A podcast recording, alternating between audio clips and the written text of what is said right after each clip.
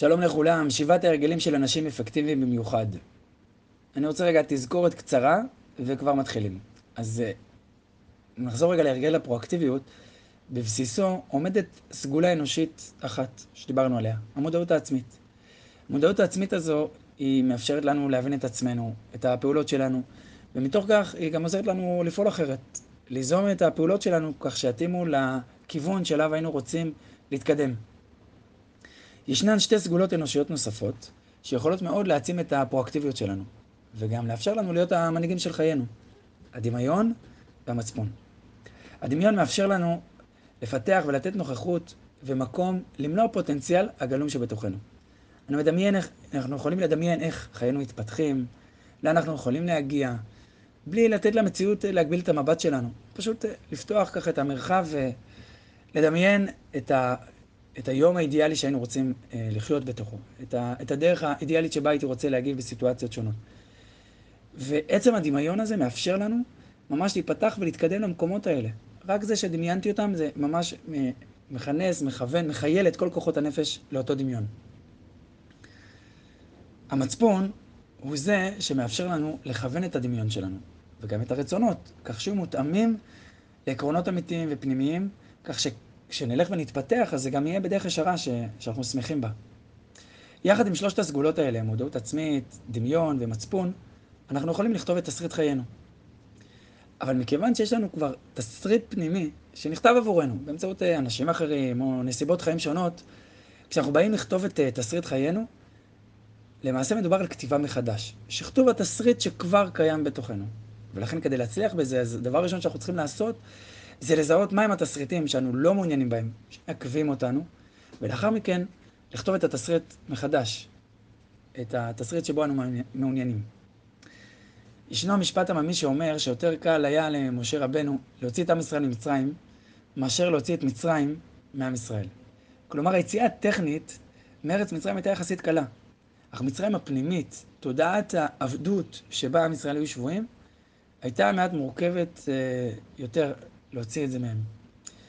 ולאורך 40 אה, שנות הנדודים במדבר, במצבי אתגר קשים וקיצוניים, עם ישראל חזרו מספר פעמים על התלונה, או הרצון הזה, שאולי עדיף לחזור למצרים. שוב ושוב עלה, עלתה המחשבה הזו. ולקח להם הרבה זמן להבין שהתסריט הפנימי שלהם, להיות עבד, כבר לא משרת אותם. הם בני חורין, הם חופשיים, ויש להם את היכולת לבחור. רק לאחר 40 שנים, בהם הם השתחררו מהעבדות, התחלף הדור, התחלף התסריט הפנימי, והם הפכו להיות בני חורים באמת. ורק אז הם גם יכלו להיכנס לארץ ישראל, ללחום עליה בעוז ובגבורה, לכבוש אותה ולרשת אותה. לא הייתה שום אפשרות שהם יכולים לעשות את זה לפני שהם היו משנים את התסריט הפנימי בתוכם מתודעת עבדות לתודעת בני חורין. ונחזור רגע אלינו. תוך כדי חיפוש התסריטים הפנימיים שלנו, אנו עלולים לגלות תסריטים שממש עומדים בסתירה לערכים הפנימיים החשובים לנו ביותר. וכאן זה המקום להדגיש שהרגל מספר 2 אומר לנו שאיננו צריכים להישאר עם התסריט הזה יותר, אנחנו פשוט יכולים לקחת אותו ולשנות. אני אתן דוגמה. נגיד שהילדים שלי רבים, ואני מרגיש איך ככה המתח והלחץ גואה בתוכי, תחומות ההגנה ש... שמתרוממות מפני סיטואציה מרגיזה. ואני יודע שהם לא יפסיקו, אני עלול למצוא את עצמי, אה, למצוא את עצמי כועס, מטיח עלבונות, אולי מעניש כל אחד ככה שהם יפסיקו. וגם אם אני אעשה את כל הדבר הזה, אז בסוף, אה, אוקיי, ניצחתי. המריבה הפסיקה. אבל כל הפעולות האלה ממש מנוגדות לדברים שחשובים לי באמת. כי אם לרגע נחזור לתרגיל הלוויה שעשינו, אז ברור לי שכשאם הייתי, הייתי רוצה שהילדים יגידו, יסגרו, מה, מה יהיה בעולם הפנימי שלהם, ב, ב, מה יהיה תמוה בתוכם, ככה ספוג, אה, מאבא, מאימא. אז ברור שהייתי רוצה שהם יספרו שהייתי מלא אמפתיה והתחשבות והענקת אהבה ואיזה חוכמה כזאת לדעת לפתור את המריבות בלי ליפול לקטנות ולהתקטננות ולכעס ו... ועצבים. הייתי רוצה כמובן שהם יזכרו את כל רגעי ההנאה והצחוק והביחד שהיה לנו. והרצון שלי לסייע להם ולעזור להם יהיה ממש ככה עמוק עמוק בתוכם. ולא בטוח שהצורה שבה פעלתי קודם אה, מתאימה לה, לכל מה שחשוב לי שבאמת יהיה. עכשיו, לא תמיד אנחנו מצ... מצליח, מצליחים לשים לב ולראות שבאמת אני ככה מיושר בכל המעשים והפעולות שלי לאור העקרונות והערכים שלי. בגלל שיש הרבה לחצים ביום-יום, יש ריבוי משימות, סתם עייפים או לא שמים לב.